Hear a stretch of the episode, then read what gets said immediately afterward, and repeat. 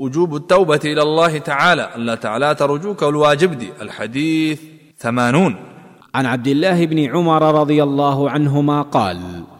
قال رسول الله صلى الله عليه وسلم يا أيها الناس توبوا إلى الله فإني أتوب في اليوم إليه مئة مرة د عبد الله ابن عمر رضی الله عنهما څخه روایت ده فرمای نبی کریم صلی الله علیه وسلم فرمایلی دي اے خلق الله تعالی ته توبه وباسي پس زه هم الله تعالی ته هر ورځ سل کرت توبه وباسم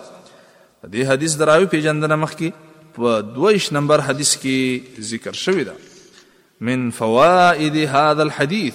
د دې حدیث د فوائد څخه اول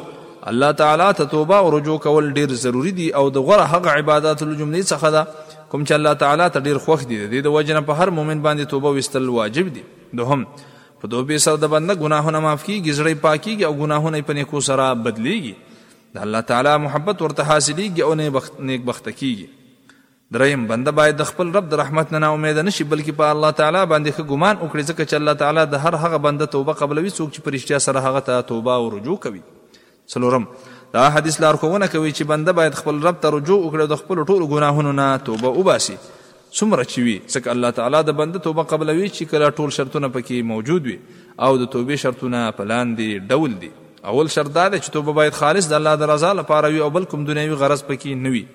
دوهم شرط دا دی چې ګناهونه پرېښودل، درېیم شرط دا دی چې په ګناهونو باندې پښېمانه کېدل، څلورم شرط دا دی چې قوي عزم او اراده کول چې نا ګناه به بیا نه کوم، پنځم شرط دا دی چې خپل مالکانو ته د هغوی حقوق واپس کول، دا په هغه وخت کې چې کله په دې ګناه کې د بندګانو حق موجود وي، شپږم شرط دا دی چې توبه به مخکې د دې نه ویستل چې نمر د مغرب نه راوخیږي او یا د مرګ علامات شروع شي.